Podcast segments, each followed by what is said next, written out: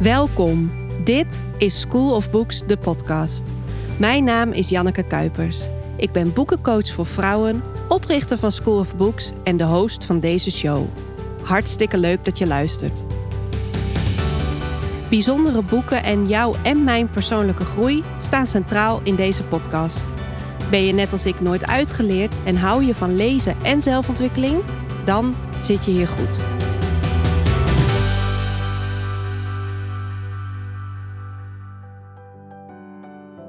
Vandaag is Bethany Christine mijn gast. Na het lezen van het boek The Artist's Way van Julia Cameron gooide zij het roer om.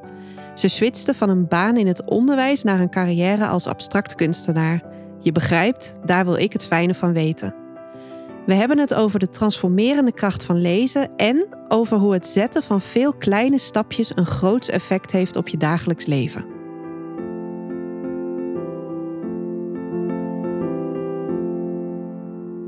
Welkom. Dankjewel. Leuk dat je er bent. Ja, lief dat je me uitnodigt. Vond het heel leuk. Ja, nou, ik eh, weet uh, uit betrouwbare bron dat uh, jij een enorme boekenliefhebber bent. Mm -hmm. Dus uh, ja, je past. Je past gewoon. Thanks. Dat weet ik nu al. Ja, leuk. Wij kennen elkaar van het studeren in Mm -hmm. Utrecht. Ja.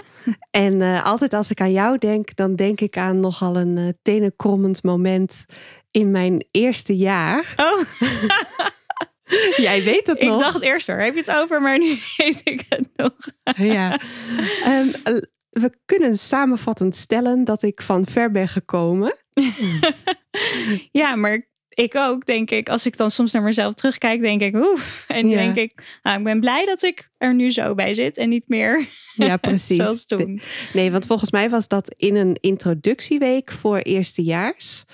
En toen was Gloria Wekker mm -hmm. ja. um, een gastspreker. Ja. En zij is hoogleraar. Volgens mij is het antropologie, is haar. Ik ben me er niet op vast, maar haar ding. zij is ja. ja. cultural anthropologist. En ik weet niet wat haar exacte titel is, maar ook helemaal binnen gender studies ja. doet zij uh, heel veel. Ja, en uh, zij had toen nogal een. Um, ik kom uit een dorp en ik ben christelijk opgevoed. Mhm. Mm -hmm. uh, een nogal provocatief praatje. Ja, zo is professor Gloria Wekker wel. ja, en um, ik weet nog dat ik toen uh, ook zo moedig was om als uh, bijna nuldejaars, zou je bijna Mhm, kunnen zeggen, mm -hmm. mijn vinger op te steken en tegen haar te zeggen dat de dingen die zij aanhaalde niet klopten. Want zo had Jan-Peter Balkenende dat niet toch bedoeld. niet bedoeld. Nee. ja. Weet je haar reactie nog? Nee. ik wel. Als je iemand voor zijn hoofd slaat en een blauw, zeg maar, een blauw oog geeft, ja, dan kan je toch ook niet zeggen, ja, zo had ik het niet bedoeld. Ja, iemand geeft je toch een knal voor zijn kop. Oh ja. ik denk dat ik dat geblokt heb. Maar goed, ik heb dus uh, jou gedurende mijn uh, studie af en toe tijdens bepaalde vakken ben ik je mm -hmm. wel tegengekomen. Ja. En toen zijn we uiteindelijk alle twee dezelfde master gaan ja. doen. Ja, en uh, toen waren wij denk ik alle twee gegroeid. Jij hebt ook echt toen gender studies vakken gedaan. Dus Mhm. mm -hmm. sowieso waar Gloria Wekker het toen over had. Het was voor jou al veel meer bekend dan voor mij. Mm -hmm. En ik kan wel zeggen dat mijn vijf jaar op de universiteit sowieso mijn kijk op de hele wereld en op het leven heeft veranderd. Oh ja, absoluut. Ja, zeker. Um, maar ja. goed, ik uh, heb het dus ooit opgenomen voor Jan-Peter Balkenende.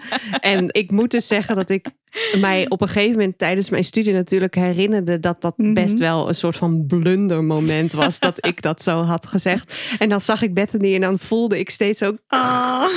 die blunder. Maar het is helemaal goed gegaan. We zijn uiteindelijk ook gekomen. nog op studiereis naar Oh, Berlijn geweest. ja. Dat was echt, echt Mhm. fantastisch. Ja. Dus, uh, Dat nou, is echt wel een hoogtepunt uit mijn studietijd. En dat ik denk, ja, daar kijk ik echt met zoveel plezier op terug. Maar ook, wat hebben we daar echt mooie, interessante dingen gezien. En ook zoveel lol met elkaar Ja. gehad. Het was heel leuk. En ik moet wel zeggen, over het Gloria Wekker moment. Het was niet alleen jij hoor. Want de hele, zeg maar, nou, klas, ja, Ja. collegegroep. Een hele collegegroep. Die was het met jou eens. En ik weet nog, ik was met twee studenten. Waren, wa- waren wij het met eh, haar eens. Gloria Wekker eens, inderdaad. Dus je was echt niet de enige. Nou, dat is lief. Goed. Wij gaan naar het openingsrubriekje. Want ik ben ontzettend benieuwd naar die mooie boeken die daar naast jou liggen. Mhm. De eerste vraag is: welk boek heeft jouw leven veranderd?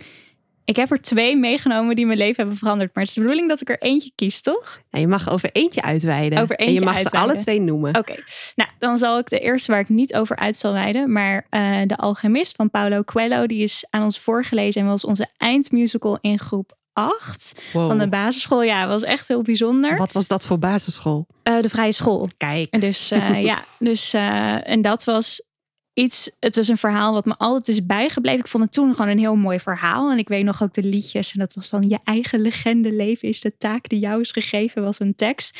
Nou, dat zat dan in mijn hoofd.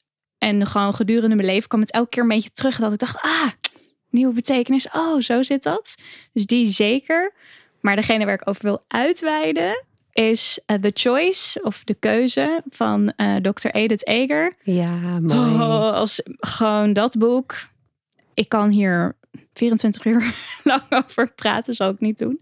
Maar ik denk dat heeft ja, dat boek heeft mij geholpen, veranderd.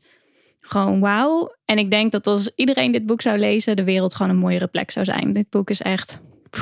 En mijn vriend heeft het aan mij gegeven voor mijn verjaardag. Eigenlijk toen ik best wel in een ja, cruciaal punt zat eh, ja, in mijn therapietraject. En hij dacht, hij had het gelezen, een, eh, hij had een review gelezen online. En hij dacht, wauw, dit is zo'n mooi en hoopvol eh, boek. Dat wil ik aan Bethany geven.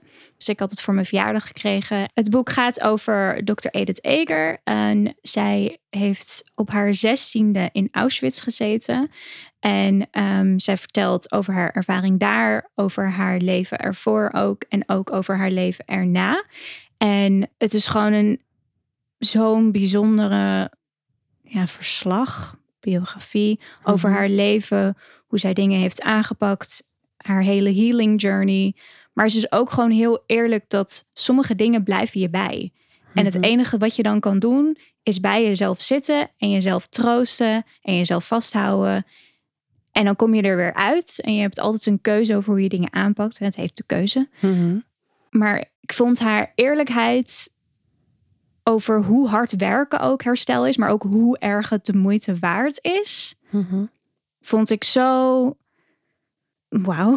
Nee, ik heb het ook gelezen. Heb jij ook dat je haar boodschap beter kan horen of beter binnen kan laten komen?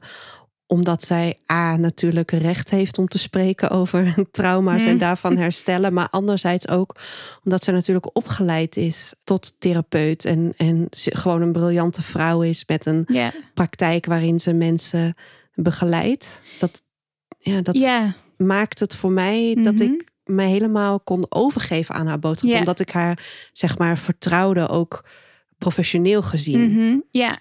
ja, ik denk dat die combinatie, zeg maar, van ja, hoe haar eigen leven is geweest, hoe hard zij heeft gewerkt voor haar herstel, hoe mooi ze laat zien ook hoe mooi haar leven is geworden ook. Maar ook inderdaad haar professionaliteit erin. Gewoon die combinatie en ook de verhalen die ze dan hè, eh, van haar patiënten dan deelt. Mhm. En de inzichten daarvan en hoe ze alles aan elkaar verbindt. Zij zegt ook op een gegeven moment van er is geen hiërarchie in het lijden. Ja, precies. En dat vond ik ook heel mooi. En dan, ze heeft daar een heel gaaf voorbeeld van. Hè? Eh, of nou, twee voorbeelden eigenlijk. Dat ze een vrouwelijke patiënt heeft en eh, haar dochter is terminaal ziek. En daar heeft zij immens veel verdriet om. En daar gaat die therapiesessie dan over. En dan het volgende uur is er een dame, een hele welgestelde dame. eh, en haar, ik geloof Cadillac.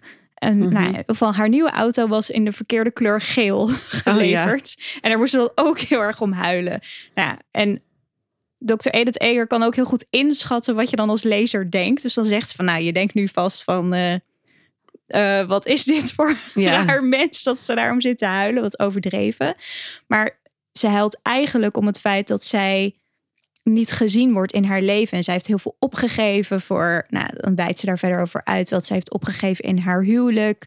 eh, hoe verslechterd de relatie met haar zoon is, geloof ik. En zij huilt eigenlijk om het feit dat er over, over gemis Mhm. en dat het daarover gaat. Dus ze zei, dat is erg. En wat die vrouw in de eerste, zeg maar, de sessie ervoor, Mhm. dat is ook heel erg. Ja. En kun je ehm, vertellen, iets heel concreets wat het bij jou echt veranderd heeft? Zeg maar in jouw weg?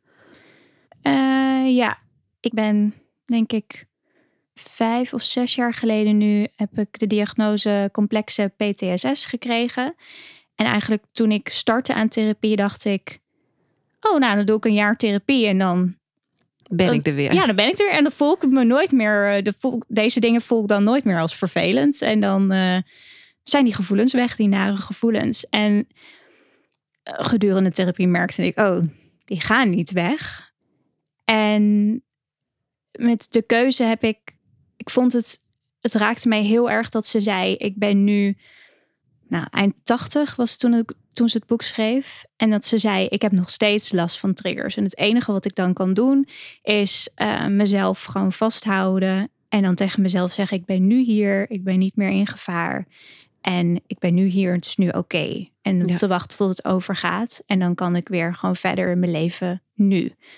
En nog steeds, als ik daar, als ik ergens een trigger in ervaar, dan zijn haar woorden, dan hoor ik echt die woorden in mijn hoofd. En dan denk ik, oh ja, maar het, het wordt wel weer, dit gaat over. Dit mhm. gevoel is er niet voor altijd. En ik mag mezelf nu troosten en doen wat ik nodig heb. En dat heeft mij wel heel veel mildheid naar mezelf gebracht. Oké, mooi, bijzonder. Thanks. Ja. ja. hey, dan gaan we door naar de tweede vraag. Mhm. Wat is je lievelingsboek? Uh, daar kon ik eigenlijk de hele boekenkast wel van meenemen. Want mijn lievelingsboek verandert eigenlijk soms denk ik, eh, niet elk nieuw, maar bijna elk nieuw boek wat ik lees is mijn lievelingsboek. Dus dat vind ik moeilijk om te beantwoorden. Uh, de Alchemist is wel eentje die ik regelmatig lees en The Choice ook. Um, maar ik heb onlangs het boek The Midnight Library van Matt Haig gelezen. En dat boek was nou, ik had al een hele tijd niet meer een boek gewoon in één zit uitgelezen. Mhm. En bij deze wel. Dus toen dacht ik van ja, dit is dan wel de meest recente waar ik zo door gepakt werd. Oh, wat leuk. oh, dus, en ik eh, ben zo blij. Ik zag hem al liggen. Mhm. Want ik zit dus de hele tijd te broeden op een um, blogpost over waarom ik dat boek zo verschrikkelijk vind. Oh, echt? Oh, nou, een stukje. Maar jij, jij vertel alsjeblieft wat ja, je daar zo in gegrepen heeft. Of ehm, waar, gaat het over? Ja, het boek gaat over uh, een vrouw en zij uh, komt met een depressie. En dan uh, eigenlijk, nou, de, het klinkt als een hele grote spoiler, maar ja, precies. Mhm. de, de, eerste zin is het en dan in de eerste zeven bladzijden doet ze het. Dus het is niet zo'n grote spoiler als dat het lijkt. Zij wil zelfmoord plegen. Zij wil een einde maken aan haar leven. En nou, dat is de eerste zin van het boek. Dus dat is best wel een heftig begin natuurlijk. Ehm, en dan komt zij in ja, de Midnight Library. En dan, uh, dat is ja, een soort limbo. Mhm. Een tussenplek. En ja, in die bibliotheek zijn er duizenden of al zijn het miljoenen boeken van verschillende versies van haar leven gebaseerd op verschillende keuzes die zij had kunnen maken. En wat mij zo gegrepen heeft in het boek is soms kijken we terug en denken we oh, als ik die keuze had gemaakt, was het misschien beter mhm. geweest. Of oeh, heb ik, hier, heb ik hier iets mee verpest omdat ik deze keuze heb gemaakt? Of oh, ik ben eigenlijk heel ongelukkig met dit. Mhm. Ehm, wat als ik. Had ik maar. Ja, precies. En soms kun je daar echt een soort eindeloos mee in je hoofd hè, daarover inzitten. En, en nou, ik weet niet, hoe jij dat, maar ik kan echt helemaal de scenario's uitdenken. Um, en ik, wat mij zo geraakt heeft in dit boek is, we hebben soms de neiging om, als ik een andere keuze had gemaakt dan, en om dan die versie te idealiseren, alsof je dan niet met hardships um, of zo te maken zou hebben. En het hoofdpersonage mag dan allemaal verschillende levens uitproberen. En nou ja, zij komt er dan eigenlijk achter van, oh ja, maar dit leven is helemaal niet zo ideaal als dat ik in mijn hoofd heb bedacht. Um, en ik wil niet te veel ervan weggeven als mhm. mensen denk van, oh, dat lijkt me leuk. Misschien als ze jou een stukje horen, denk ik zo, dat hoef ik nooit te lezen. Ja. En dat komt eigenlijk ook alweer terug op hè, de keuze van Edith Eger. Je hebt altijd nu nog de mogelijkheid om te zeggen, ik ga nu een andere keuze maken. Of ik ga het nu anders doen. Of ja, ik heb die keuze gemaakt. En ik mag nu weer opnieuw kiezen. Je hebt altijd opnieuw de keuze. Ja, elke dag opnieuw kun je ja. Ja, kiezen of je links of rechts ja. Ja, of je kiest om geen keuze te maken. Ja, is ook een keuze Ja. inderdaad. Ja. ja nee, mijn bezwaar met het boek heeft vooral eh, te maken met het begin. Mhm. Ehm, de auteur die kiest er heel duidelijk voor om die eerste hoofdstukken die beginnen steeds met trigger warning. Mhm. het is eh, twaalf uur voordat, ik Mhm. weet niet meer hoe ze heet, eh, Nora volgens mij. Nora Ja. besloot een einde aan haar leven te maken. Ja, En ja. dan volgende hoofdstuk. Het is tien uur voordat Nora besloot een einde aan haar leven te maken. Ja. En ik ben iemand die met chronische depressies kampt en ook Mhm. heel erg vaak suicidaal is geweest. Mhm. En ik kon dat niet lezen. Ja. En ik vond dat vooral heel ongevoelig. Want ik weet dat hij een auteur is die zich ook heel erg richt juist op mensen met Mhm. eh, psychische ja, diversiteit, zal ik het Mhm. zomaar Ja. zeggen. En ik begreep dit gewoon niet, want het is eigenlijk een stijlfiguur. Mhm. En hij, hij, hij had dit verhaal ook fantastisch kunnen vertellen zonder dat zo te doen. Ja.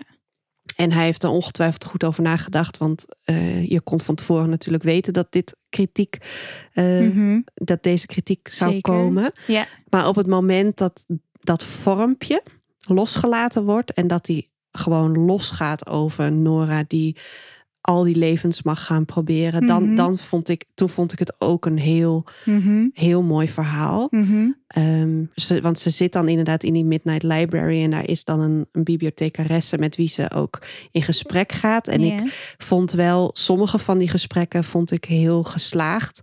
En sommige dacht ik ook van, nou, nu, nu probeer je zo hoogdravend filosofisch iets. En dat vond ik, ja, ik had soms het idee dat het boek ook een beetje worstelde met van wie is nou de doelgroep. Want enerzijds leest het heel erg lekker als een zomers boek wat je heerlijk op het strand kan verslinden. En andere momenten probeert het zo filosofisch te zijn, maar lukt het net niet. Mhm. Ja, en dan dus dat nare begin. Mhm. Maar ik zou wel, vooral als je daar persoonlijk niet door getriggerd raakt, moet je het sowieso lezen. Want het Ja. is een fantastisch verhaal. En het zet je echt aan het denken Mhm. over hoe jij zelf inderdaad omgaat met ja, alle levens die je niet hebt geleid. Ja, ja. Ehm, maar als je daar wel gevoelig voor bent, dan zou ik zeggen, lees het vooral in een periode dat je je goed voelt. Want ik Ja. heb het boek ook een aantal keer weggelegd. Ik zocht namelijk een boek wat mij zou troosten. Ik zocht Mhm. een, een echt een page turner. Dus ik Mhm. dacht, dit is mijn boek. Mhm. Maar dat was voor mij dus niet een goed moment. Dus Nee. ik heb later het boek er weer bij gepakt toen ik me gewoon echt heel goed voelde. En toen Mhm. hakte die, ja, dat, die hele constructie rondom die zelfmoord er niet zo in. Ja. En kon ik er echt van genieten. Nou, ik ben blij dat je er wel uiteindelijk van kon genieten. Dat is echt wel, ja, dat het niet gewoon zo erg erin had gehakt dat je zei: nee, dit boek is voor Nee. altijd gewoon Nee. hè, niet meer oké. Ik zat wel vol, zeg maar, dat ik denk. Nou, ik zat gewoon naar iets te luisteren. En het, ik moest ook gelijk denken aan Matt Haig, de schrijver. Hij kampt zelf ook met depressie. Dus nou, wat je zelf vertelde het. En hij heeft jaren geleden, dus ik weet niet meer precies hoor, maar best wel een tijd geleden, 20 jaar misschien, geprobeerd een einde te maken aan zijn leven. Eh, en hij heeft dit juist geschreven als boek om mensen daarvan Mhm. weg te leiden. Ja. Eh, um, dus, maar zo zie je dan wel, als ik dan naar jou luister, denk ik, ja, dit is dus zo. Ja, als je dat niet weet. Ja, Ik vond het echt een goedkope manier om een verhaal aan op te hangen. En zo is het dus absoluut niet bedoeld. ja. Ik werd er zelfs, nou, woede is niet een, emotie die mij heel erg eh, bekend is, maar ik werd er echt boos van. Ja. Maar ja, daar kun je zien wat een boek Ja. kan losmaken. Ik moet Ja. denken aan eh, iets van onze studie. En dat had jij toen gezegd. En ik vond dat concept heel moeilijk om te begrijpen. Maar iets wat jij zei, toen dacht ik, ah, dat is een mooie manier om er naar te kijken. Is een Franse filosoof. Nou, ik weet even niet meer wie het, die heeft het over the death of the author. Oh ja, Roland Barthes. Oh ja, Roland Barthes, inderdaad. en eh, hè, dat eh, als een, ja, je hebt als schrijver een tekst geschreven. En als het dan klaar is, is daarmee ook eigenlijk heb je, ja, is dat ook the death of the author. En nou, ik vond het concept heel moeilijk. Dacht ik, ja, huh, nee, hij heeft het toch geschreven. Maar toen zei jij, ja, ik zie het zo. The death of the death of the author is the birth of the reader. Ja. Dus zo zie En toen dacht ik, ah ja, en dat zie je dus ook dan bijvoorbeeld met deze tekst. Matt Haig heeft misschien een bepaalde bedoeling, een bepaald idee in zijn hoofd. Hij heeft iets geschreven, je stuurt het de wereld in. Ja. En dan is het altijd gewoon, hoe komt het bij iemand binnen? Ja. Dat is altijd, dat is gewoon helemaal 100% persoonlijk dan. Ja, en volledig uit de handen van de auteur. Ja. Tenzij je in een inleiding Ja. zou lezen hoe de auteur het Mhm. bedoeld heeft. En dat Ja. is nou net niet helemaal hoe het eh, werkt. Nee, ja. Oké, nou, maar interessant. Ja, en zeker. ik ben echt blij dat je het boek eh, mee hebt genomen. Want ik, ik wilde dit kwijt. Oh, ja. De volgende vraag is hoe, waar en hoeveel lees je? Vind ik lastig om te zeggen. Ehm, ik heb een chronische ziekte, dus het hangt heel erg van mijn energie af. Soms ben ik zo ziek dat ik gewoon voor pampus op de bank lig en eigenlijk alleen maar tv kan kijken. eh, om een soort van gezelschap te houden. En aan andere momenten of tijden voel ik me goed. En dan vind ik het heerlijk om veel te lezen. Maar dat fluctueert zoveel dat ik dus moeilijk. Soms lees ik vier boeken in een maand, ja, eentje per week. Mhm. Soms lees ik drie maanden niet. Ja, Of precies. Nou ja, dat zou ik niet, maar nauwelijks, zeg Ja. maar. Ja. Zijn er dingen op de momenten dat je heel erg last hebt van je ziekte die je bijvoorbeeld wel kan? Als ik naar mezelf kijk, bijvoorbeeld Mhm. als ik depressief ben, dan ga ik bijvoorbeeld kinderboeken lezen of Oh ja. young adult luisteren op Storytel. Ja. Heb jij in je lezenroutine dat soort trucjes eigenlijk? Ja, ik moet wel zeggen, ik, ik hou ervan om ehm, zeg maar fictie en non-fictie af te wisselen. En non-fictie kies ik vaak voor boeken die me heel erg aan het nadenken zetten over hoe ik mijn leven invul. Daar moet je ook echt wel energie voor hebben. Dus in de tijden dat ik niet zoveel energie heb, dan ki- kies ik die Mhm. boeken sowieso niet. In de tijden dat ik minder energie heb, maar wel zin heb om te lezen, dan vind ik gewoon een licht eh, fictieboek heel fijn. Of wat je ook zegt om te luisteren, vind ik ook heel fijn. Dus zo vul ik het dan in. Maar als ik echt gewoon helemaal ja, eraf lig, Mhm. dan staat gewoon Netflix aan. Ja, lang leven Netflix. Ja, precies. Nou, Ja. Het is ook geen vraag om eh, Ja. vervolgens een waardeoordeel aan op te hangen. Nee, Het komt ja. Gewoon voort uit nieuwsgierigheid. Ja. En je noemt net dat je eh, boeken leest waarmee je lekker met jezelf aan de slag kan. Ja. Kun je daar nog een voorbeeld van noemen? Ehm, ja, nou, The Choice bijvoorbeeld. Ja. Ehm, maar ook Set Boundaries, Find Peace van, als ik haar naam goed uitspreek, is het van Nedra Tawwab. En eh, zij is een Amerikaanse vrouw en zij is therapeut en ik volg haar ook op Instagram. En ik vind haar gewoon, ik vind haar echt fantastisch. En haar grote ding, nou, set boundaries, is Mhm. grenzen. Dat is voor mij ook een heel groot leerpunt in mijn leven. En wat ik al heel fijn vind aan haar Instagram is dat zij vaak soort scripts heeft van hoe je grenzen kan aangeven. Want Oh, mensen zeggen ze altijd, maakt het concreet. ja, ja. precies. Ja. Dus, en dan maakt ze gewoon een soort scripts van, nou, in zo'n situatie zijn dit allerlei dingen die je kan zeggen. Want ik weet niet of je, hoe, ja, hoe jij daarin bent, maar als ik denk grens, Grenzen dan denk, aangeven. ja, dan denk ik alleen grens, grens. Eh, wat is een grens? Ja. nou, ik, ik voel het meestal twee dagen later. Oh ja. Nee. mhm. Maar ehm, Ja. eh, weet je, de standaard trucjes kennen we denk ik allemaal wel. Hè? De, eh, als iemand je iets vraagt, zeggen Mhm. van daar kom ik even bij op terug. Ik ga Ja. er even over nadenken. Klopt. Ja, Ja. ja maar oké, mooi. En Ja. ik kan me voorstellen dat dat een boek is wat je niet zo even lekker op de bank Nee, wegleest. Nee. Dat, dat is echt zelfonderzoek Ja. en precies. oefenen Ja, eigenlijk van nieuw gedrag. Mhm. Ja, Ja. interessant. precies. Ik neem die zeker mee, want dat is een, een boek wat ook heel erg past bij School of Books. Mhm. Het eh, Ja. leuk. Ja, het is echt een mooie. eh, het heeft ja, scripts, het heeft verdere uitleg. Het heeft ook eh, dingetjes dat je eigenlijk ja, bijna een soort werkboekachtig van oh, hier kan ik mee aan de slag. Mhm. En het is ook, je hoeft het niet in één zit uit te lezen. Het is gewoon iets waar je elke keer naar terug kan komen. Dus dat is ook heel Ja. fijn. Mooi. En dan de laatste vraag. Wat is jouw gouden tip voor veel of meer leesplezier? Ehm, mijn gouden tip daarvoor is om te stoppen met lezen als je het gewoon niet leuk vindt. En niet bij de eerste vijf bladzijden. Eh, wel, soms merk je dan ook al. Maar als je gewoon denkt, nou, ik kan hier niet inkomen. Ongeacht wat andere mensen zeggen. Mhm. Gewoon als jij het niet leuk vindt en het pakt je niet. En je denkt, nou, pff, wat ben ik aan het doen? Stop er dan gewoon mee. Ja. Ja, lezen moet leuk zijn. Ik, het is gewoon iets wat, hè, tenminste, ik vind lezen leuk. En dat Mhm. doe ik voor mijn plezier. En ook natuurlijk om mezelf te ontwikkelen. Maar ook gewoon om lekker weg te gaan naar een andere wereld. Er zijn echt honderdduizend redenen om te lezen. Mhm. Maar als je gewoon door iets aan het heen ploeteren bent. Ja, wat ben je dan aan het doen? Nee, Dus- niet de bedoeling. Nee. Goed. Nou, dankjewel. Jij bedankt.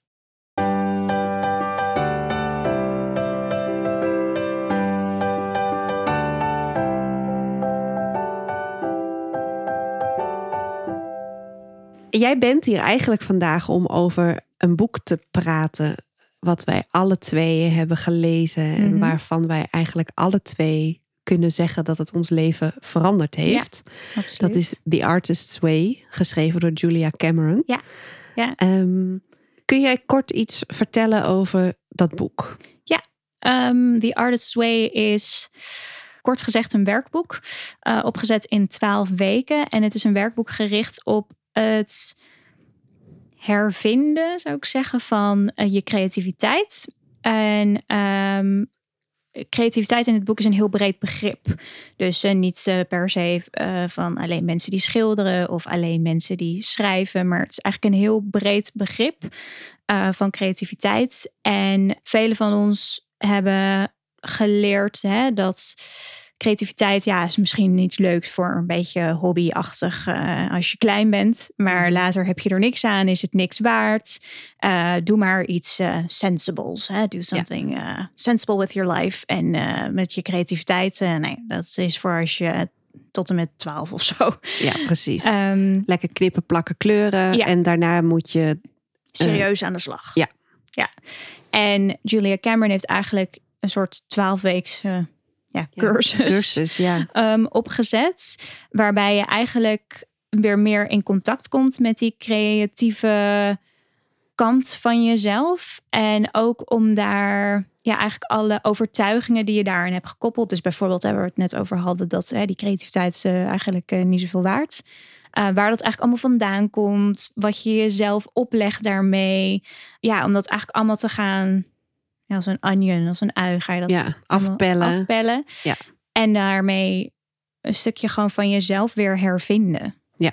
Of een stuk, in sommige mensen gevallen. Heel groot stuk of een stukje. Ja, precies. Ja, ja, zo zou ik het denk ik ook omschrijven. Mhm. Ik denk dat ik Julia Cameron bijna als een soort van fluisterende mentor op mijn schouder voel Mhm. zitten, die mij de hele dag eigenlijk uitnodigt om eh, juist die vonkjes van inspiratie en juist die kleine sprongetjes van blijdschap die ergens die kleine Ja. Janneke in mij Mhm. maakt, om Mhm. die serieus te nemen en om daar daadwerkelijk gehoor aan te geven. Ik denk dat dat is wat zij in mijn leven ehm, ja, bereikt heeft. Mhm. Ja, mooi. Eh, ja, en inderdaad, het gaat dan echt niet alleen maar over. Ik wil graag een boek schrijven, ik durf dat niet. En Mhm. zij gaat je helpen om dat wel te durven, of fotograferen of schilderen. Mhm. Maar het gaat ook heel erg over voelend leren leven. Ja. eh, en vooral ook het kindstuk in jezelf Ja. er durven laten zijn. Ja. En dat betekent dus dat je dan ineens een sorbet gaat eten op een terras. Mhm. Of ehm, gaat stoepkrijten en hinkelblokken met je vriendinnen. Ja. Weet je, dat soort gekke dingen. Ja. ja, of ook gewoon simpele dingen die we onszelf ontzeggen. Mhm. Ehm, ze heeft dan op een gegeven moment een, een, eh, een hoofdstuk gaat over jezelf weer luxury gunnen. En dat luxury helemaal niet een of andere vijf sterren vakantie hoeft te zijn, maar dat het eigenlijk gaat om de gewoontes die je voor jezelf creëert. En dan geeft ze een voorbeeld van een vrouw en die houdt ontzettend van frambozen. Ja. Dus dan, en eigenlijk wil ze dat altijd eten en door, door cereal en eh, snack en altijd. En we hebben in ons hoofd dan, frambozen is best wel duur fruit. Nou, dan moet je niet, eh, dat is niet hè, sensible to buy that. Ja. Maar eigenlijk, als je het naast heel veel andere dingen legt in het leven, hoe duur zijn frambozen nou? Zeg Ja. maar. En zij wordt er zo blij van.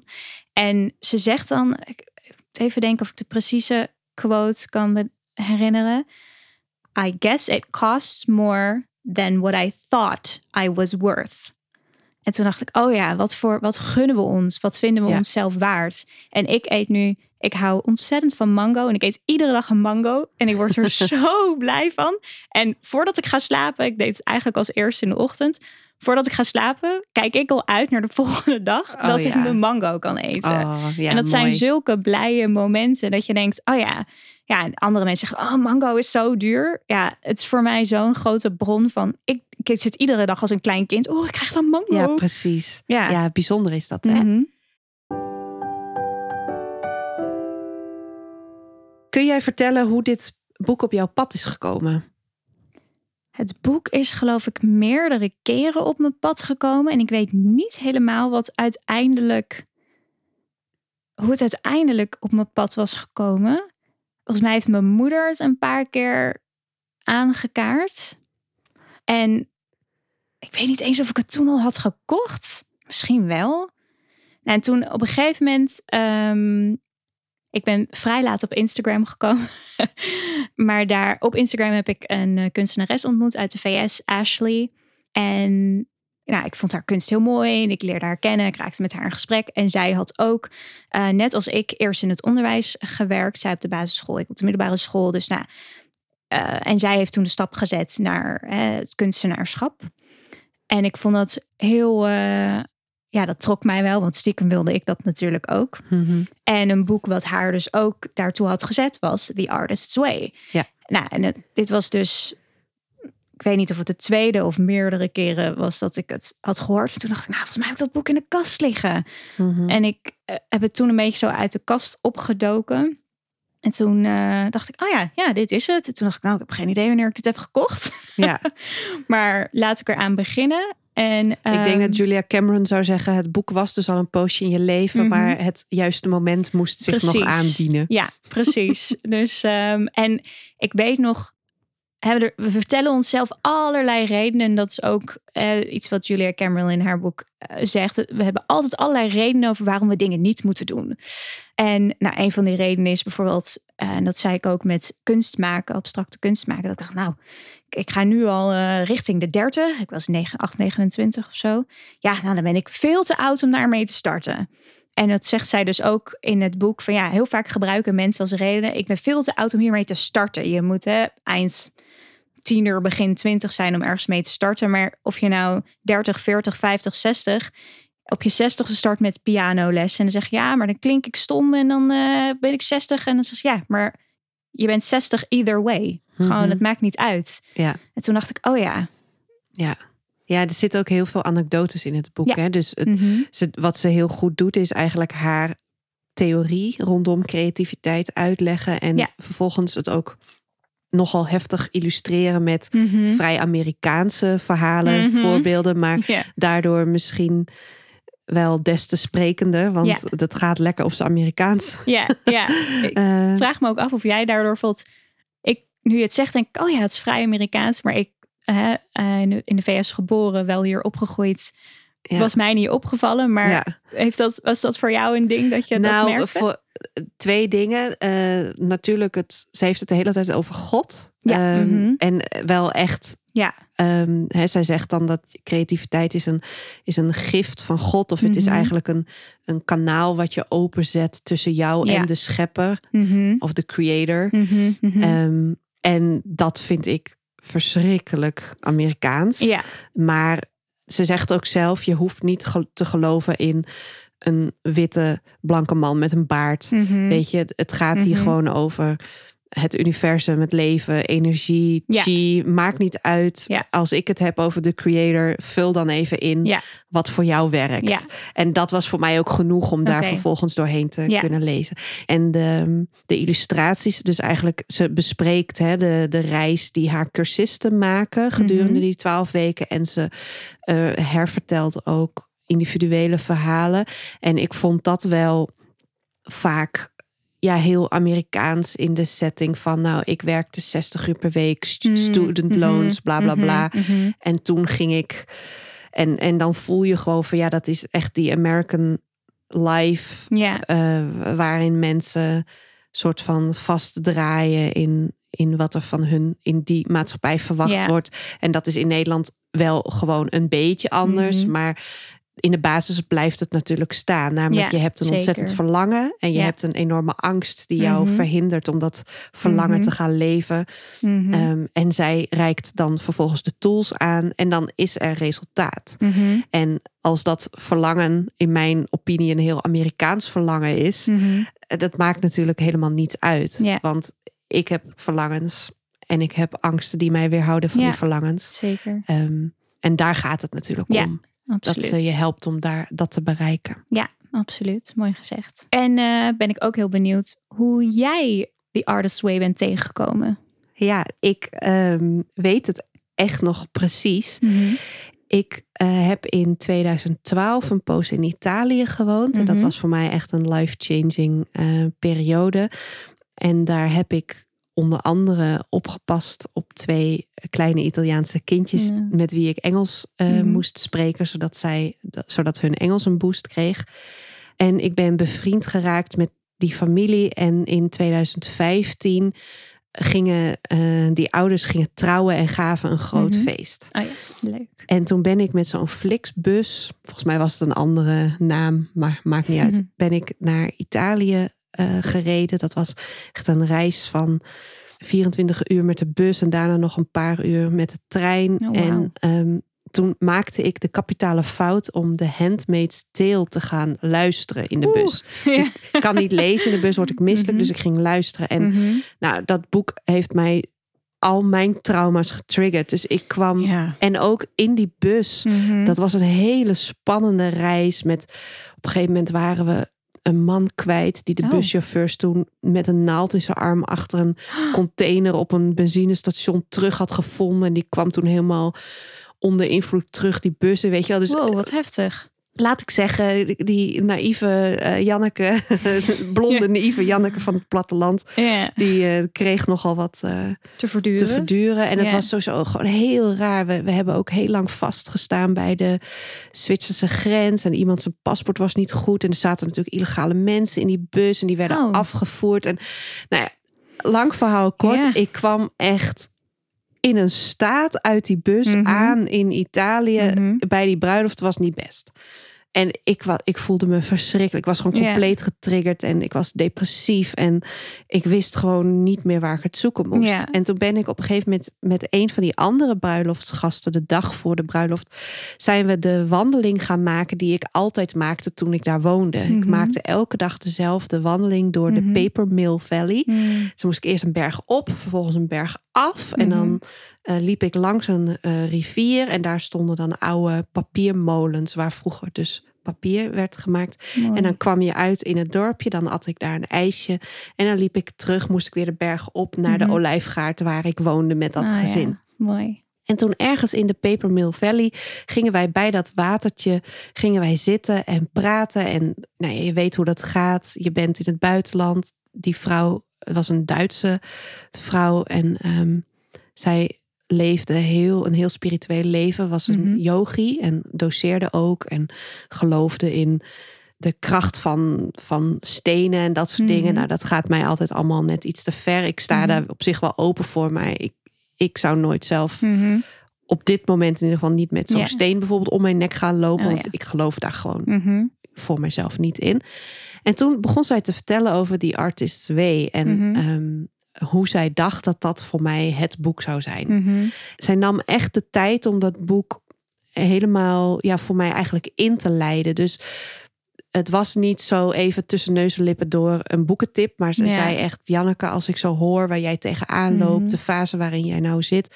Volgens mij moet jij die twaalf weken dat programma van Julia. Cameron gaan doorlopen. Mhm. Ehm, want je bent er bijna, maar je, je zit nog. Ja, Je hebt nog hurdles waar je Ja, overheen moet. Ja. ja. en toen. eh, ja, de, de, de, de pijn die ik op dat moment voelde was ook zo groot. Want het ging op zich in die periode. Ik had toen ook heel veel therapie. Dat was het jaar dat ik fulltime therapie volgde Mhm. voor mijn CPTSS. Mhm. En ik voelde dat ik, dat ik er wel bijna was, maar dat er nog iets heel groots was wat mij eh, tegenhield. En Ja. Ja, die pijn was zo groot dat ik meteen toen ik thuis kwam dat boek heb gekocht en Mhm. aan de slag ben gegaan. Mooi. Ja, dus eh, die, die, die bruiloft, ik denk daar echt met heel veel, eh, ja, gemengde gevoelens is niet eens het Mhm. goede woord. Ik kijk daar eigenlijk met best wel veel verdriet naar terug. Want dat was Mhm. ook voor mij, ja, het was best wel naar. Omdat ja. ik me zo ellendig voelde. En dan voel je je gewoon heel alleen. En Mhm. je wilt meedoen met het feestgedruis. En ik kon het gewoon niet. En Ja. tegelijkertijd is daar dus dat gesprek met die vrouw aan dat kabbelende beekje. Mhm. eh, waarbij ik zo gezien werd en zo Mhm. begrepen door haar. Dat zij gewoon een perfecte boekentip kon geven. Ja, wel heel. Ik denk niet dat mooi het goede woord is. Want je zegt ook van ja, als ik daar aan terugdenk, dan denk ik echt aan. Ja, ook al als ik dat hoor, denk ik, oh, dan heb je daar wel een zwaar gevoel bij. Maar tegelijkertijd ook heel bijzonder dat juist op dat moment Ja, die vrouw zei: Dit is het boek ja, voor jou. ja. Jij vertelde dus net dat jij dat boek eh er toen bij bent eh, gaan pakken. Mhm, Want je hebt hem mhm. in je boekenkast teruggevonden Ja. en bent aan de slag gegaan. Ja. Hoe zag dat er voor jou uit? Concreet? Ehm, het is een paar jaar terug. Het is wel weer een boek wat ik er vaak bij pak voor dingen. Maar ik zit even te denken. Ik, er is nog één ding wat me heel erg bijstond. In het eerste of tweede hoofdstuk. Ik ben gewoon gaan lezen. En ze heeft het dan over de morning pages. En dan eh, de morning pages zijn... ehm, ja, in de ochtend schrijf je gewoon alles wat in je zit. Gewoon Ja. Uit. Ja. Gewoon a stream of consciousness. Gewoon Ja, leeglopen op de pagina. Precies. Ze Ja, zegt ook, je moet met de pen, pen en papier Ja. schrijven, schrijven, schrijven. precies. Dus toen, nou, open het boek. Oh, dit heb je nodig. Oh, nou, ik heb een, ik heb altijd notebooks om in te Mhm. schrijven. Dacht ik, oh, oké, nou, dan pak ik dat erbij. Dus ik had daar een notebookje voor. En eh, dus ik lezen en dan heb je dus eh, als opdrachten, zeg maar, de morning pages om te doen. En ze zegt dan, hè, per, ehm, ja, het boek is opgebouwd uit twaalf weken, dus twaalf thema's. En dan aan het einde van iedere week heb je een soort opdrachten ook die je doet. En eh, nou, die ben ik dus ook gaan doen. En ik weet niet meer of het hoofdstuk 1 of hoofdstuk 2 was. Ik geloof hoofdstuk 1, maar dan heeft het over... ehm, vaak zeggen we dingen tegen onszelf... waarom we niet onze creativiteit moeten volgen. Maar zijn het wel eigenlijk dingen die van onszelf komen... of komt het ergens anders vandaan? En zij heeft dan het begrip your creative monsters... Mhm. En nou, schrijf allemaal op. En wees heel specifiek, zei ze. Vond ik wel moeilijk. Want het- ja, Ja, dan moet je terug naar vroeger, hè? Mhm, Ja, dus dat ja. is pijnlijk. Ja. en ik had een heel groot vel van eh, toen nog eh, het handvaardigheid lokaal ding, zeg maar, van, van de middelbare school. Hele grote vellen. Ik had heel groot creative monsters. En of, ik had mijn Monsters Hall of Fame had ik gemaakt. Jij maakte er meteen iets creatiefs van. dus, ehm, en toen ging ik allemaal dingen opschrijven. En dan moest je er ook bij zeggen eh, wie het dan zei. Mhm. Dus nou, ik al die dingen schrijven. Ja, dat zei die. En toen was ik het aan het kijken. Toen dacht ik, holy shit, dacht ik. Al die dingen die ik tegen mezelf zeg, zijn eigenlijk helemaal niet van mij. Dit is Ja. allemaal tegen me gezegd. En ik ben het gaan internaliseren. Ik ben het gaan herhalen alsof het iets is wat ik vind. Ja. Maar vind ik dit eigenlijk wel? Of ben ik gewoon, is het een soort echo Mhm. chamber? En ik heb mijn Monsters Hall of Fame nog steeds.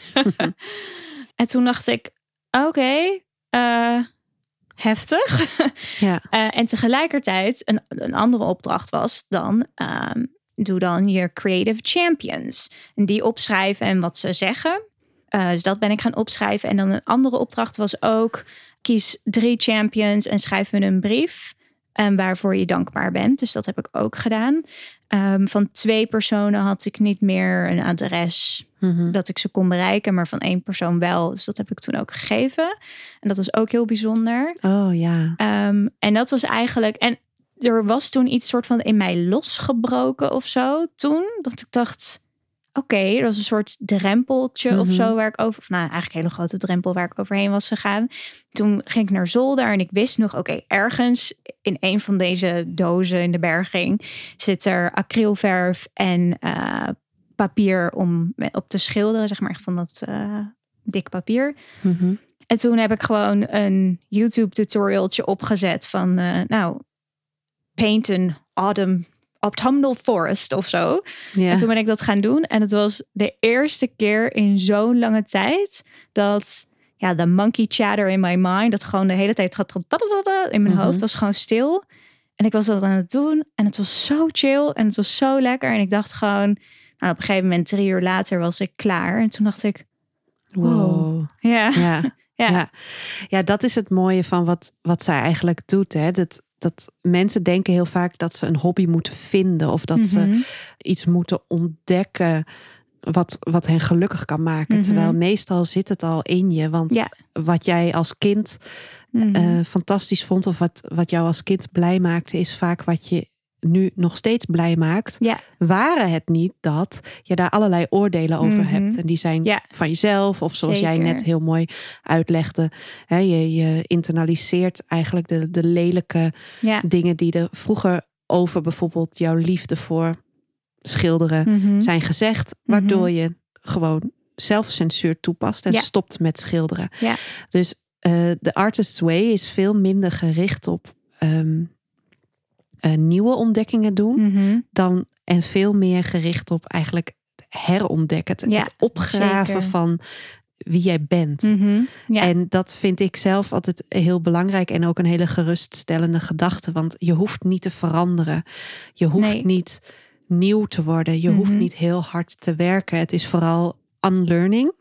Ehm, en wat die morning pages ook, vind ik, eh, zo goed maakt. Het is een hele krachtige tool. En zij noemt het zelf eigenlijk eh, dat het de ruitenwissers zijn waarmee je eh, je windscreen langzaam Mhm. ehm, weer helder mee Ja. swiped. ja. Omdat we kijken allemaal op een bepaalde manier naar het leven. En onze vooruit waar we door naar buiten kijken, daar zitten dus lelijke berichten van, Mhm. of lelijke boodschappen van onze ouders en verzorgers op. Maar ook Leraren. allerlei angsten Ja. of allerlei beperkende Mhm. gedachten die je zelf op een of andere manier eh, hebt bedacht. Ja. En als je elke dag 's ochtends begint en leegloopt op die pagina en Mhm. elke ochtend weer zegt van ik wil zo graag dat boek schrijven, maar ik durf niet. Of Mhm. ik wil zo graag schrijven, maar ik heb geen tijd. Dan Mhm. je wordt, zij zegt ook op een gegeven moment word je gewoon verveel je jezelf omdat je de hele tijd dingen aan het herhalen bent. Ja.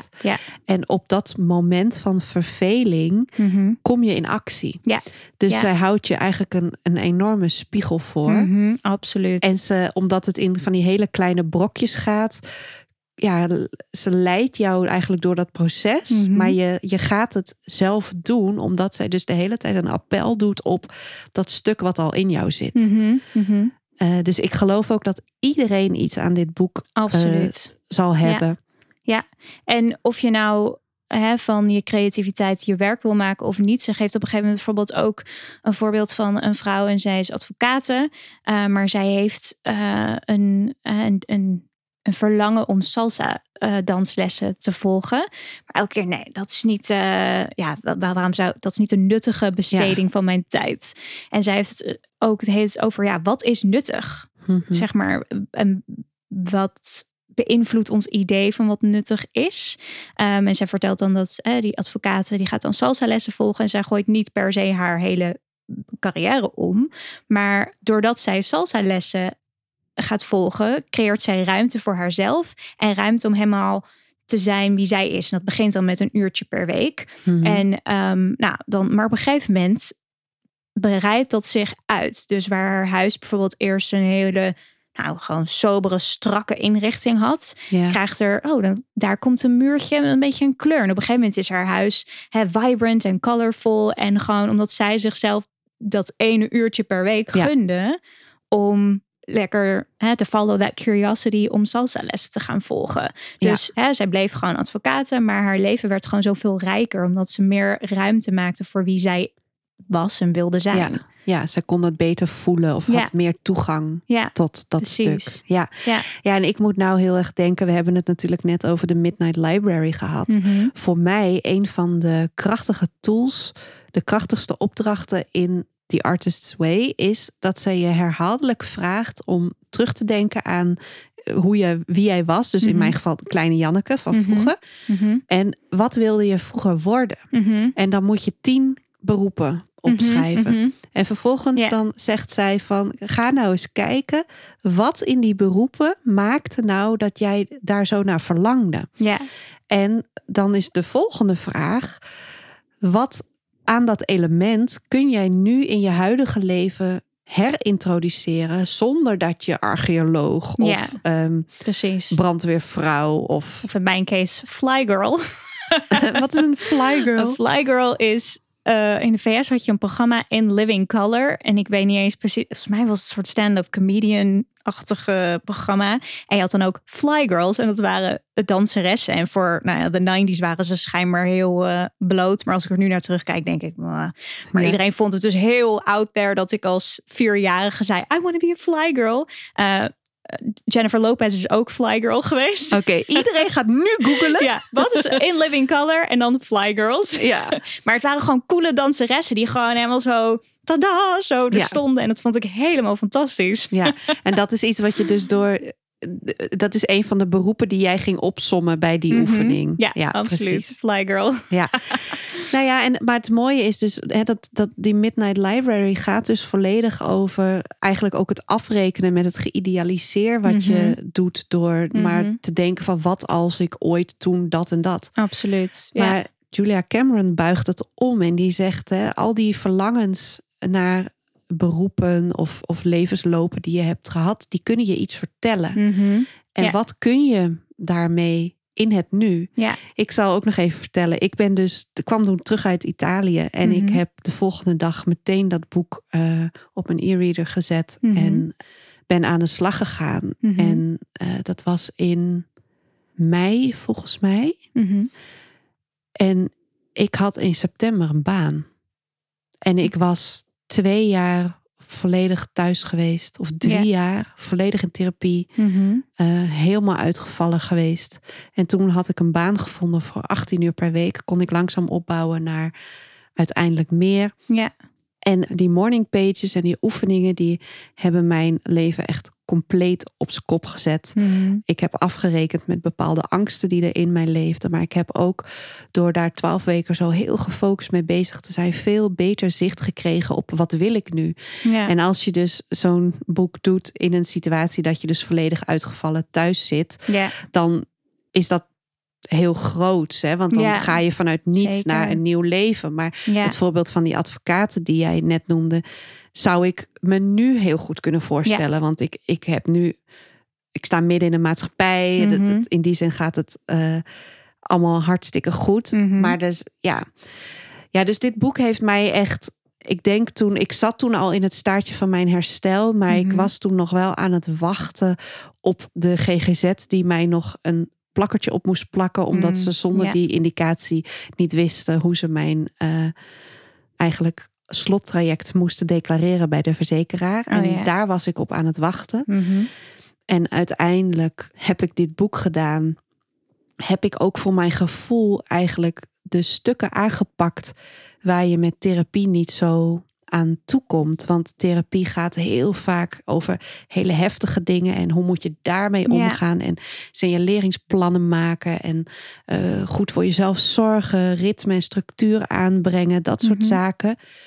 Maar het leven draait om veel meer dan alleen maar Ja. de boel weer op de rit te Ja, krijgen. Het gaat ook over zingeving. En, en, en wat maakt dat je ziel gaat zingen. En dat stukje, dat heb ik toen uiteindelijk zelf met dit boek eigenlijk ja, ontdekt en verkend. Ja. Voor mij was eigenlijk de impact van binnen dat ik minder angstig werd en veel minder mijzelf de hele tijd censureerde met Mhm.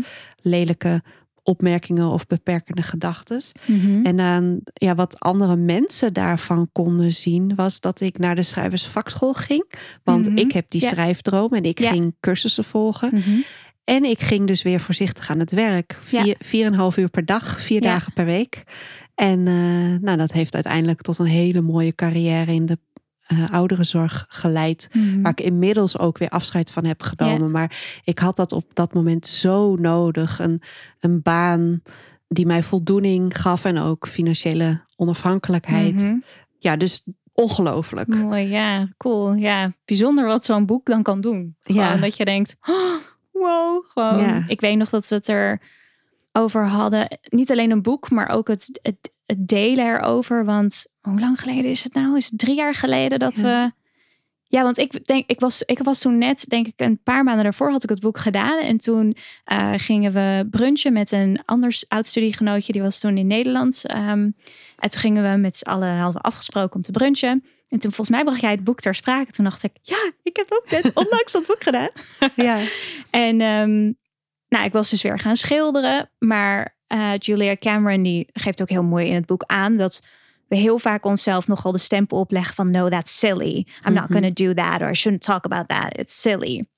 En ik was gaan schilderen en ik ging toen een hele soort van grappen maken, want ik uh, werkte toen in het onderwijs, maar um, nou, was ziek, uh, fysiek, maar wist toen eigenlijk niet wat er aan de hand was. En ik was in therapie voor CPTSS, dus het was nogal een heftige ja. periode.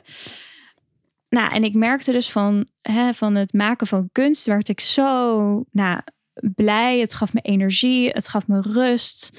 Nou, ik vond het gewoon helemaal fantastisch. Maar ik durfde niet te zeggen van, uh, nou, eigenlijk wil ik hier, dit is eigenlijk wat Ja, ik wil doen. Dit is wat ik wil. Ja, Ja. Ehm, en toen, ehm, Of misschien zelfs wel, dit is wie ik ben. ja, ja, inderdaad. Ja.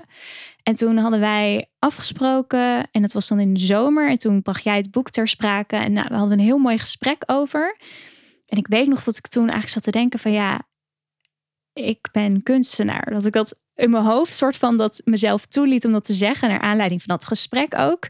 En toen ik denk, eh, dat was dan ergens in juli en toen was ik in oktober op vakantie in uh, Marrakesh en daar had ik twee Amerikaanse dames ontmoet. En uh, nou, we zaten gewoon te kletsen op het terras, mijn vriend en ik en die twee Amerikaanse vrouwen. En toen vroeg ze wat ik deed. En toen dat, eigenlijk na dat gesprek, dat was zo in mijn hoofd blijven zitten. Toen heb ik echt voor de eerste keer een soort van heel uh, I'm an artist. Oh. ja, zo dat eruit. Maar dat wel gewoon door dat boek, door het er toen met jou over te hebben. En met Anne-Sophie, ons studiegenootje. En dat het gewoon eigenlijk steeds meer samenkwam. En dat ik dacht, oh ja, it's not Ja. silly. Ik mag dit. Dit is wie ik ben. Ja. Dus, ja, ik, eh, ik zit nu echt helemaal met tranen in mijn ogen. En ik heb kippenvel, omdat ik me dat gesprek ook nog kan herinneren. Dat, weet je, dat is natuurlijk wat ik met School of Books ook doe. En waarom ik zo graag Mhm. deze podcastgesprekken eh, doe. Is, weet je, lezen is fantastisch. Het effect van wat boeken op je leven kan Mhm. hebben is ongelooflijk. mhm. Maar dan vervolgens met mensen praten Ja. over wat die boeken voor jou betekenen. Ja. En dan een soort van die wederkerigheid daarin ontdekken. Ja. Dat is zo bijzonder. Ja, ja. Oh ja absoluut. Het heeft echt En jij, ja, en jij hebt toen mij de choice aangeraden. Ja, Dus ehm, ja. ja, en die ben ik daarna ook meteen Mhm. gaan lezen. En dat, ja, dat boek heeft mijn leven ook echt verrijkt. Dus ja, ja. het is bijzonder, hè? Ja. ja, ik vind ook gewoon... Je had dan al je Instagram aangemaakt van hè, dat je Janneke, boekencoach, School of... Of nou, ik weet niet eens of je in eerste instantie School of Books had gebruikt. Maar je zat een beetje zoeken. ons lekker te maken met Ja. wat je ging doen. Maar je had het nog niet verklapt. En ik dacht, nou, wat gaat ze doen? Spannend, spannend, spannend. En toen eh, een aantal weken terug, nou, toen kwam je dus, nou, dit is wat we gaan doen. En dat je dus, ehm, nou, je liefde voor lezen. Ehm, maar er zitten inderdaad zoveel wijsheden in boeken. En gewoon dat je zei van, ik help je om de vertaalslag te maken van, hey, die wijsheden, die maak ik praktisch zodat je het kan toepassen in je leven. En ik dacht echt, wow, dat is zo cool. Eh, ik heb trouwens nu ook een eh, gratis aanbod ontwikkeld. Eh, dat heet eh, in Let's Have Fun in zeven stappen direct meer plezier in je leven. Oeh. En dat kun je via mijn website downloaden. Mhm. En ik heb daar serieus ook oefeningetjes uit The Oh, Artist's ja. Way in Ja, eh, opgenomen. Omdat ja, wat ik bijvoorbeeld nu doe, soms dan denk ik ineens van, oh, vroeger vond ik spekjes zo lekker. Mhm, mhm. En dan heb ik keihard gewerkt en dan ga Ja. ik gewoon naar de Albert Heijn en dan haal ik een zak spek. En dat slaat echt nergens op. En ik heb in de jaren dat ik zo hard werkte en carrière aan het maken was, heb ik dat nooit gedaan. Want Ja. wie doet dat nou? Hè? ik met mouwam. Ja. Oh nee, dat Ja. weet ik nog. Ehm, en nu doe ik dat gewoon. Ja, en ehm, ja, het is ongelooflijk. En ehm, Het Ja. gaat zoveel meer over de kleine dingen die je iedere dag doet. Die worden uiteindelijk zo groot. We denken vaak in van, oh, ik moet hele grootste stappen nemen. En ik moet heel veel. En dan raak je eigenlijk al gelijk overweldigd met, ik weet niet hoe ik mijn hele leven om moet gooien. Maar je leven bestaat uit eigenlijk iedere alle kleine keuzes die je maakt. En alles wat je voor jezelf doet en alles wat je voor jezelf waard vindt. Hè. Je spekkies uh, die je lekker eet. Uh, de roze dekbed overtrek. Ja, roze dekbed ja. overtrek. De mango. Uh, ja. precies. En gewoon de tijd. En, en als je met die kleine dingen begint dan, nou, net als eigenlijk met die advocaat uit het boek van de Artist ja. dan breidt het zich ook uit. Het is een soort in, inktvlek, wat dan zeg maar steeds meer spreidt. Ja. Zeg maar, fills up more and more of your life dan. Ja. En je durft steeds meer voor jezelf te doen, waardoor je gewoon echt een blijer mens wordt. Ja, ja het leven wordt er gewoon echt fijner van. Ja. En, en misschien moeten we daar dan mee afsluiten dat in mijn ervaring is die artist's way dus heel erg iets wat gebeurt en niet Mhm. iets wat je hoeft te doen. Want het klinkt misschien, ja, het is wel hard werken, maar eh, wat jij zegt, hè, die inktvlek die zich dan soort van verspreidt over je leven, dat is niet, die inktvlek hoef je niet zelf te manifesteren. Als jij Nee. braaf de stapjes doorloopt, je mag Mhm. gewoon een heel braaf mens zijn, eh, dan, dan gebeurt er gewoon iets, want ze ontwaakt iets in Ja. jou. Ik zou zeggen, vertrouw ook gewoon op het proces. Mhm, want ik had binnen twaalf weken dus, ging ik van ziek, thuis, uitgevallen, zoekend, Mhm. niet weten waar ik het moest eh, gaan halen naar een baan. ja, wow. Omdat ik, ja, Ja. dus, en ja, dat zou ik dan, volgens Julia Cameron heb ik dat zelf gemanifesteerd. maar het is wel waar. Ik bedoel, je hoeft het niet manifesteren te noemen. Maar in Mhm. die morning pages schreef ik elke dag opnieuw. Ik wil zo graag financieel onafhankelijk zijn. Ik Mhm. wil zo graag meedoen in de maatschappij. Ik wil zo graag op niveau Ja. een baan. En omdat ik daar me zo bewust van was, omdat ik daar 's Mhm. ochtends over schreef, Mhm. ging ik ook in mijn netwerk met Ja. mensen daarover praten. Ja, En vervolgens zei er dus iemand in mijn netwerk: Hé, hey, maar Janneke, daar is een vacature. ja, Volgens mij ben jij geschikt. ja. Zal ik je introduceren? Mhm. Dus dat is ook, denk ik, hoe manifesteren werkt. Ja, inderdaad. Ja, mee eens. Oké. Zeker. Hey, en wil jij nog iets vertellen over hoe jouw leven er nu uitziet? Want ik ken Ja. jou natuurlijk van de studie. Mhm. Vervolgens hebben wij alle twee het stapje ook gemaakt naar het, eh, het onderwijs. Het onderwijs, ja, zeker. Maar inmiddels ben jij artiest. Ja, klopt. En hoe ziet dat eruit? Ehm, op dit moment ziet het er niet zo uit als dat ik, eh, ben ik gewoon heel eerlijk in, als dat ik had, graag had gewild. Ik heb ehm endometriose in een eh, vergevorderd stadium. En ehm, ik heb, ik ben vorig jaar geopereerd. Toen ging het weer slechter. Toen ging, nou heel heftig. Uiteindelijk zijn we gestart aan een IVF-traject. En ik wist toen ik daaraan startte, ik heb dan geen energie om ook maar iets te doen. Omdat de IVF hè, met alle hormonen ook de endometriose erger maakt. Ehm, dus de afgelopen maanden Hm. heeft het er vooral uitgezien als. Nou, ik heb met mezelf en ook met mijn vriend afgesproken. Ik ga niet aan mijn kunst werken in de zin eh, van. Ik koppel er nu even geen, nou wat jij ook zei, verdienmodel aan. Ik was niet actively busy met eh, promoting my art en sharing my art in de manier van dit eh, wil ik delen met de wereld. Hè? Daarvoor was ik daarmee bezig en ik heb echt hoe bijzonder gewoon werken over gewoon in de VS, in Engeland, in Nederland. Nou echt, oh my Mhm. god, gewoon unbelievable. Ja. Ehm, nu heb ik het veelal gewoon kunst voor mezelf gemaakt. Mhm. En ik merkte dat aan het eind eigenlijk van alle hormonenprikken, nou, tijdens het hormonenprikken was ik een soort zombie. Ehm, maar na de eerste terugplaatsing, toen kreeg ik opeens allerlei ideeën. En allerlei, zeg maar, nou, dan zie ik allerlei beelden voor me. En denk ik, dit moet ik schilderen en dat moet ik Mhm. schilderen en dit moet ik zo maken. En dat heb ik voornamelijk gewoon echt voor mezelf gedaan op de tijden dat ik energie had. Mhm. En dat was heel weinig. En dat mis ik ook wel echt heel erg. Dus het heeft er voornamelijk zo uitgezien. Nou, als ik een keertje een uurtje energie had, ging ik schilderen. Ik heb ook meer kleine werken weer meer gemaakt. Want dat kon ik zittend doen. Dus dat was ook weer iets minder belastend voor mijn lichaam. En nu, ehm, ja, helaas zijn alle terugplaatsingen niet gelukt. En ja, mijn endometriose is nu gewoon helemaal out of control. Dus ik ben weer aan medicatie. En dat is natuurlijk helemaal kut. Ja, vreselijk. Ehm, maar ik heb wel weer heel erg zin om mijn kunst weer op te pakken en om dat echt te delen zoals ik het meer voorheen deed. Dus hè, dat ik ehm, ik ga wel verder met deze werk eigenlijk in een soort, er is eigenlijk een soort IVF-collectie Ja. aan het ontstaan. Uh, dus dat wil ik afmaken. En zeker ook de grotere werken waar ik gewoon zo weinig energie voor had, wil ik, ik hoop gewoon dat ik fysiek weer aansterk en daaraan kan verder werken. Want het zit gewoon in mijn hoofd. Mhm. Ik zie gewoon die werken voor me en ik wil ze Ja. gewoon tot leven brengen. En dat ik gewoon weer eigenlijk zoals voorheen aan de slag ga. Dat ik het kan delen met mensen. Dat ik het deel met de wereld. En ehm, ik was eigenlijk begonnen met mijn kunst delen op Instagram. En het was veel. Nou, ik had niet durven hopen, zeg maar, dat het zo zou. Ja, dat het mensen zo Ja. aanspreken. Dus Mhm. ik ben nu ook bezig met een website maken. Dus dat Kijk. zijn ook weer dingen waar ik, hè, dan denk ik, Ja. oh ja, als ik weer meer energie heb, dan Ja. kan ik die dingen ook maken, mijn kunst fotograferen. Dus eigenlijk wil ik die hele concrete stappen maken en dat ik echt een plek heb, behalve social media, zeg maar, Mhm. waar ik het kan delen. Dus dat gaat er dan zo uitzien. Dus eigenlijk ben je van een wetenschapper eh, Mhm. naar een docent, Mhm. naar een, een vrouw gegaan die op een gegeven moment stiekem van binnen durfde toe te geven: ik ben Ja. een artiest. Mhm. Naar iemand die dat hardop ging zeggen. Naar Ja. iemand die het ook daadwerkelijk doet. Mhm. En Zeker. zelfs werk verkoopt gegaan.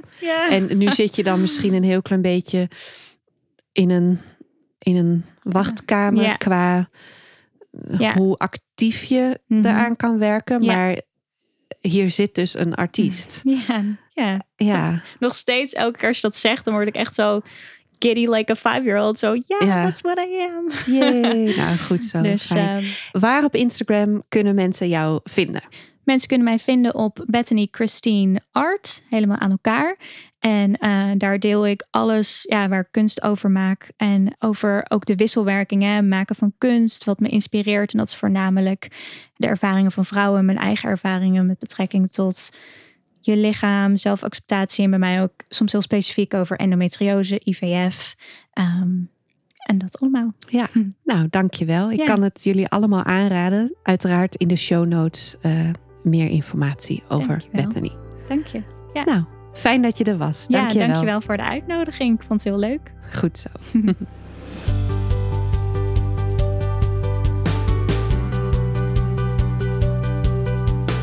Fijn dat je er weer bij was. Zo aan het einde van deze show heb ik nog twee belangrijke dingen om met je te delen. Deze podcast wordt beter vindbaar voor anderen als jij je abonneert. Ik wil graag zoveel mogelijk boekenliefhebbers en zelfontwikkelingsenthousiastelingen bereiken. En daar kan jij me bij helpen. Klik in je podcast-app op abonneer, volgen of op het plusje en je mist nooit meer een aflevering. Ook met een positieve review op iTunes of in de podcast-app van Apple doe je me een groot plezier. Het is en blijft bijzonder als luisteraars iets van zich laten horen. Wil je me laten weten wat voor les of inzicht je uit deze podcast hebt gehaald? Is er iets wat je raakte of heb je een boekentip? Stuur een mail naar janneke@schoolofbooks.nl of DM me via Instagram. Ik zal nooit iets delen zonder jouw toestemming, dus daar hoef je niet bang voor te zijn. Mijn volledige contactgegevens vind je in de show notes. Tot de volgende!